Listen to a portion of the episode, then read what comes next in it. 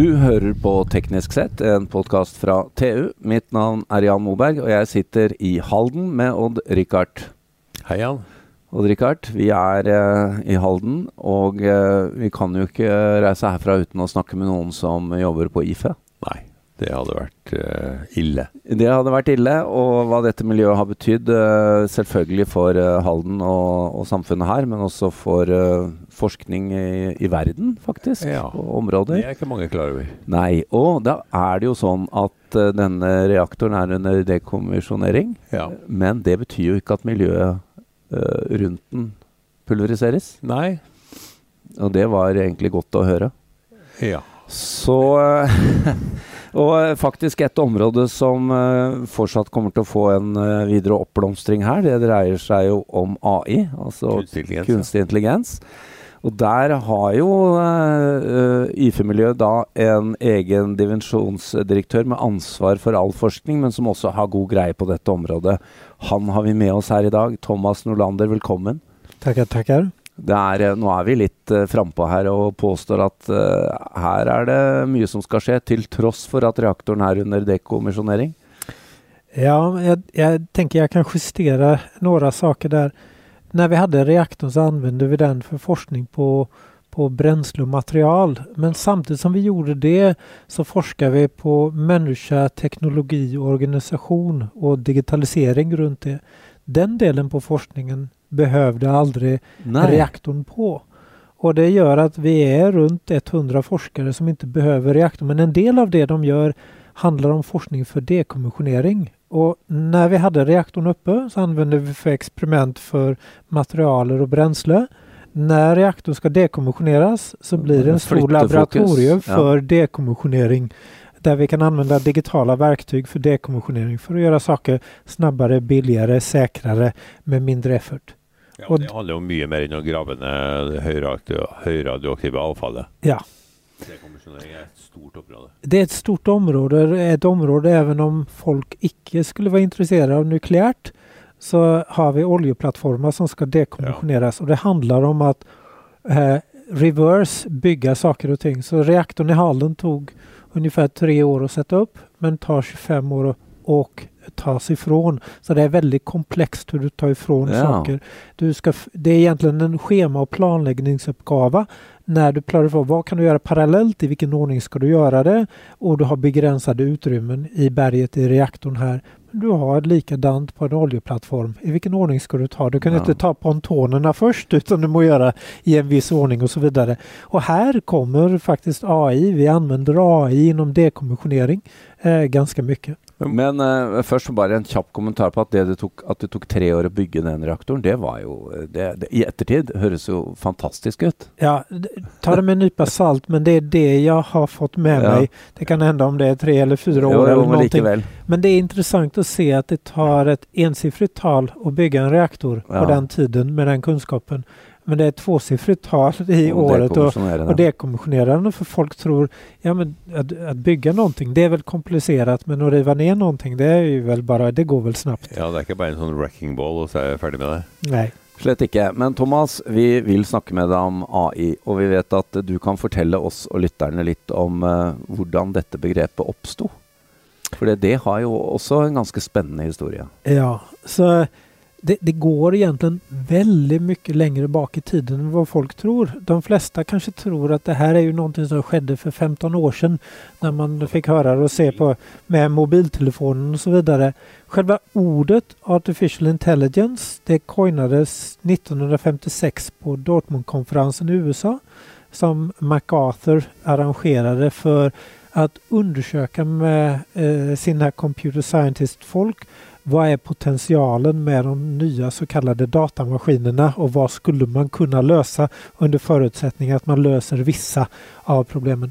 Men det går egentligen tillbaka, man kan gå ända långt tillbaka till 1200-talet med Raymond Lull eh, eh, från Spanien som tittade och skrev artikel om maskiner kunde tänka och börja filosofera på det här om maskinerna kunde tänka kunde man skapa maskiner som var människor. Vi hade på 1800-talet så hade det, jo, var det populärt bland de väldigt rika i Europa att skapa robotar eh, som, eh, av urmakare. Så urmakare gjorde robotar där du kunde veva upp dem och så kunde de skriva sitt namn och så vidare. Då. Och där är de intresserade av att man skapar någonting som ser ut som människor agerar liknande människor. Då. Men det är egentligen 1956 som det tog fart ordentligt. Då. Men så har vi ju vi har ju vi har två egentligen eh, grundfadrar till till AI och den ena kanske ni känner till som en codebreaker under andra världskriget.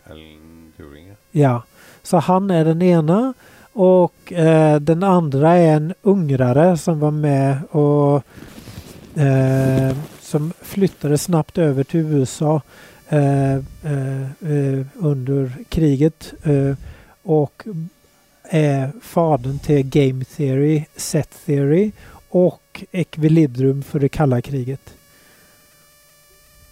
Så, så det är två personer som är grundfadern på det som började skriva artiklar och så vidare om AI innan begreppet AI kom ja. då. Men 1956 så skedde det en hel del. Så vi hade de här äldre gentlemännen som började filosofera vad AI skulle kunna göra under förutsättning att vi hade det snabbare, vi hade det mindre, det kunde göra saker parallellt. Och då började de komma upp med de tog i ordentligt. De ville ha självkörande bilar, de ville ha automatisk översättning mellan olika språk ja. och så vidare. Och det sista delen triggade eh, DARPA, amerikanska Defense Agencies, att ja. börja öppna upp pengarna. Kalla krigen? Ja, och det, eh, du har, jag tror det var 1957, så det här var 1956. 1957, om jag inte missminner mig, så skickade Sputnik upp. Ja.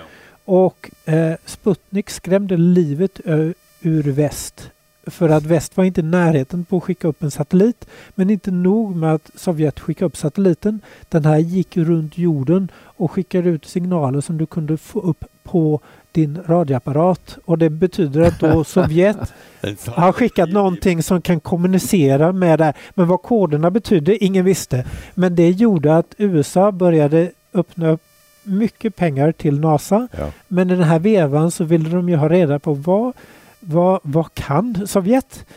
Och så hade de brist på översättare eller tolkar för när de spionerade då. Och då var de intresserade. Fanns det en möjlighet att man kunde använda AI för att översätta från slaviska språk till engelska språk för att få all den här informationen. Och det gjorde att de gav väldigt mycket pengar. Nackdelen var att eh, de här forskarna de var lite naiva och, och, och lovade väldigt mycket. Och det var väldigt lite som höll inom den tidsfristen. Så så småningom fick man vad man kallar en AI-vinter så att de ja. som finansierar mycket de var inte så intresserade för det kom inte så mycket ut. Och så fanns det två äh, rapporter som, som ödelade och, och, verkligen skapade den första äh, AI-vintern. Och den första rapporten var i USA där de tittade att du inte behövde så många översättare för de hade en hel del slaviska folk som skulle kunna översätta och, och det fungerade lite bättre då. Och det gjorde att eh, DARPA skruvade ner pengarna en hel del. Och så i Storbritannien som egentligen var en av de starka när det gäller AI vid starten. Där det mycket finansiering har gått på AI. Där börjar folk bli skeptiska på vad Edinburgh universitet i Skottland och andra hade gjort och lovat. Och så gavs ett uppdrag eh, till en ingenjör som skrev The Lightill Report och i den rapporten så, om jag tar det väldigt krast, så skrev han att uh, AI is only uh, academic toy problem. It will never scale well and would never be mm. able to solve anything in the industry. Mm. Och politikerna lyssnade så mycket på det så att då stängde de av funding för nästan alla universitet i Storbritannien. Det var några Old, Old Brick och Edinburgh som fick lov att fortsätta men de andra skulle sluta med det. Och så tänker ni att kanske att det här är inte så farligt för pengarna kommer ju tillbaka. Men varje gång det blir AI-vinter så lämnar briljanta forskare som du har tränat under år som har massor med goda lösningar. Men de har inte pengar att fortsätta. De har inte pengar att få doktorander. Inte pengar att göra det. Så hoppar de över till statistik eller till matematik ja. eller till andra ämnen. Och när pengarna kommer tillbaka 10-15 år senare så går de inte tillbaka. Nej, de har nytt talent. Ja, så forskning mår inte bra av stora variationer i finansiering. Vill du minska ner ett forskningsområde, fair enough, men då gör du det långsamt över tiden. Inte några snabba hugg för rätt som det behöver du igen. Och vi ser det inom nukleärt här i Norge. nu när eh, Norge i slutet på 70-talet bestämde sig att vi icke skulle ha nukleärt för energiproduktion. Då fick IFE ändra sig lite och titta på energi och inte bara ett nukleärt.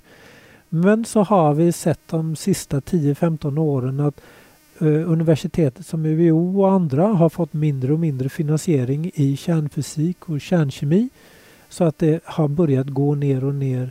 Och problemet är att om de skulle försvinna så ta, kostar det väldigt mycket att sätta upp. Men nu har eh, Forskningsrådet gjort en utlysning inom ett nukleärt center för kärnkemi och kärnfysik. Så, och i budgeten så har de också lagt in studieplatser på det. Så alldeles innan det var på väg, i alla fall kärnkemi, att försvinna, så efter mycket tryck från många olika organisationer att det här må Norge ha, så har vi lyckats ändra det här innan det klipptes av. Väldigt bra. Vi hoppas att det är någon politiker som lyssnar på här, för nu har de fått en väldigt god, uh, god, pitch.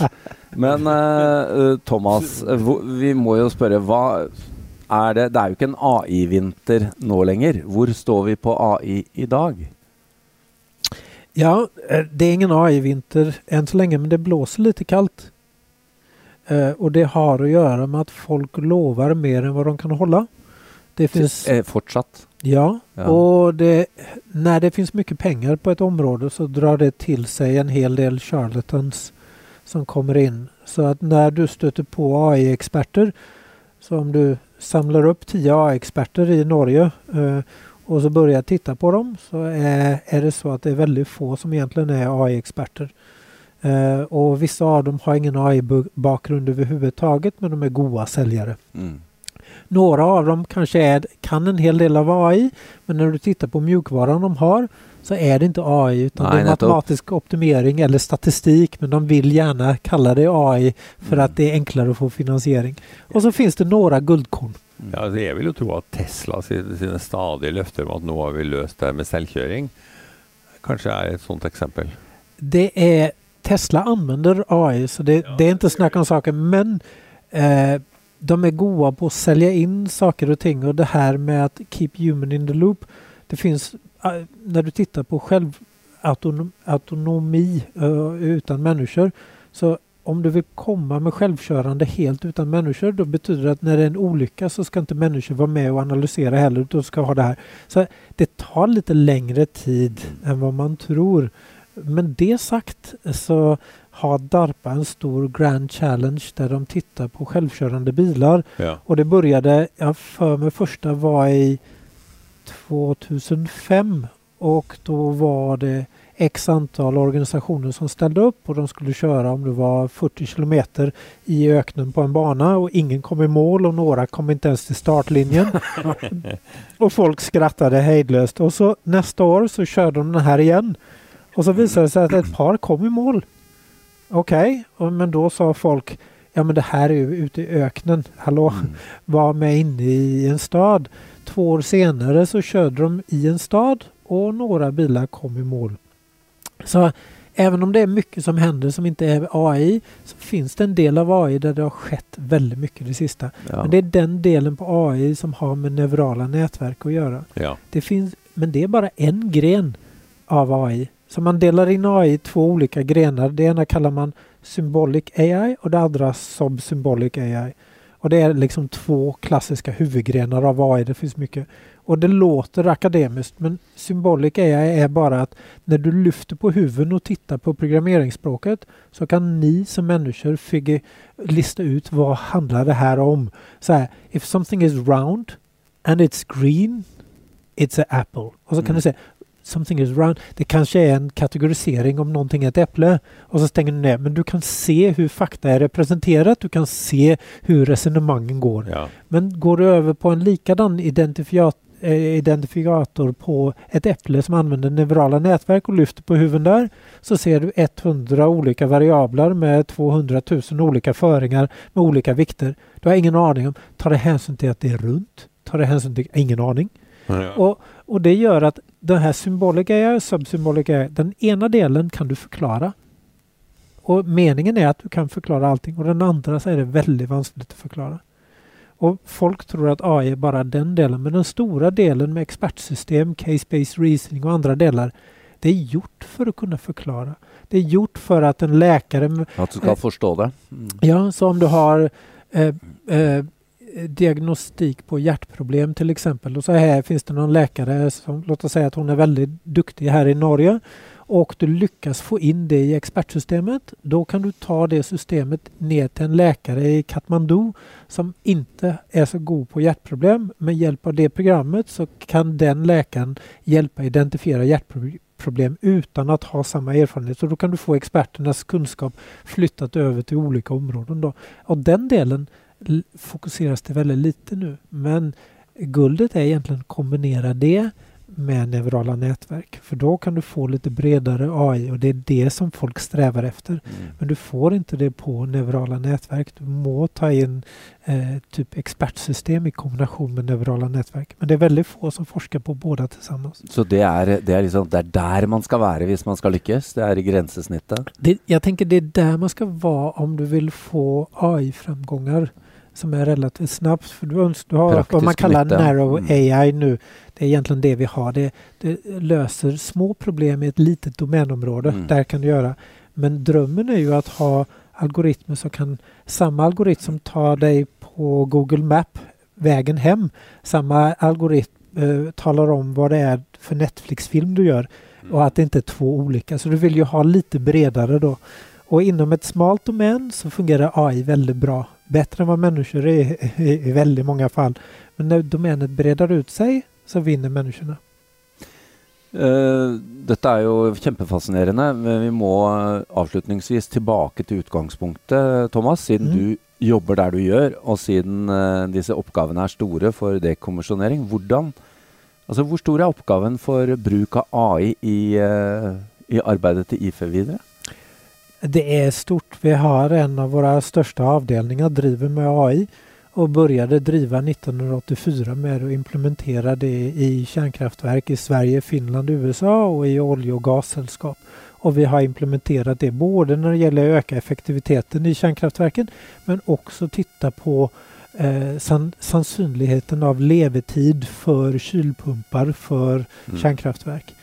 Eh, så den delen är stor. När det gäller dekommissionering så finns det en, mycket AI inom dekommissionering. Vi kör robothundar som på ryggen bär 3D-kameror för att scanna upp mm. områden mm. i Tjernobyl och där vi har satt på gamma-scanner för att få strålningen i 3D-områdena i det. Och då kan vi köra in den här robothunden in i områden där ingen har varit inne i sakrofagen ja, för att få en bild hur det ser ut i 3D men också se ut vad är strålningen i 3D och då kan vi låta den hunden röra sig runt i områdena på ställen så att inte den blir contaminated så mycket så att den behöver dekommissioneras. Men den behöver flytta sig runt i rummet mm. eh, för den här delen. Så den här delen när det gäller att, att använda robotar för att gå in och göra saker som är farliga eh, saker som är krävande där det finns skadmöjligheter och så vidare och använda robotar där.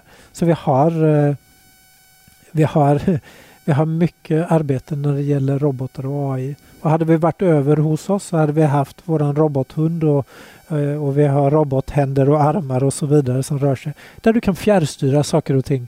Så att du kan sitta här på kontoret och ta på dig en handske och när du har på dig handsken så kör roboten med en robothand fram till det. Ja. Och så i luften så håller du på och drar och skruvar på saker medan robothanden då gör exakt samma saker inne på reaktorn. Där du kanske inte vill ha människor i närheten fall någonting skulle ske. Riktigt. Mm. Høres fascinerende ut, Odd Rikard. Ja, det er fascinerende. Og jeg bare lurer på når, hvor gammel jeg må bli for å få en, en uh, robot å prate med.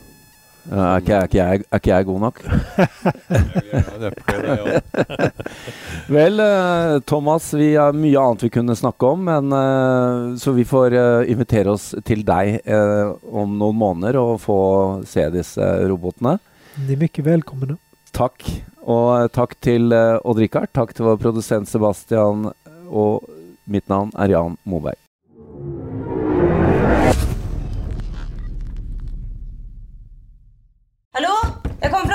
Politikammer.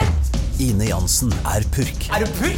The motherfucking bitch. Alt jeg vil, er å finne ut hva som skjedde med mannen min. Jon Carew. Er jeg sikta for noe? Iben Akeli. Det er du. Ole So, Lars Berrum og Big Daddy Karsten. Hvem sin side er du på egentlig? Anette Hoff, Tone Danielsen, Kommer du fra Afrika?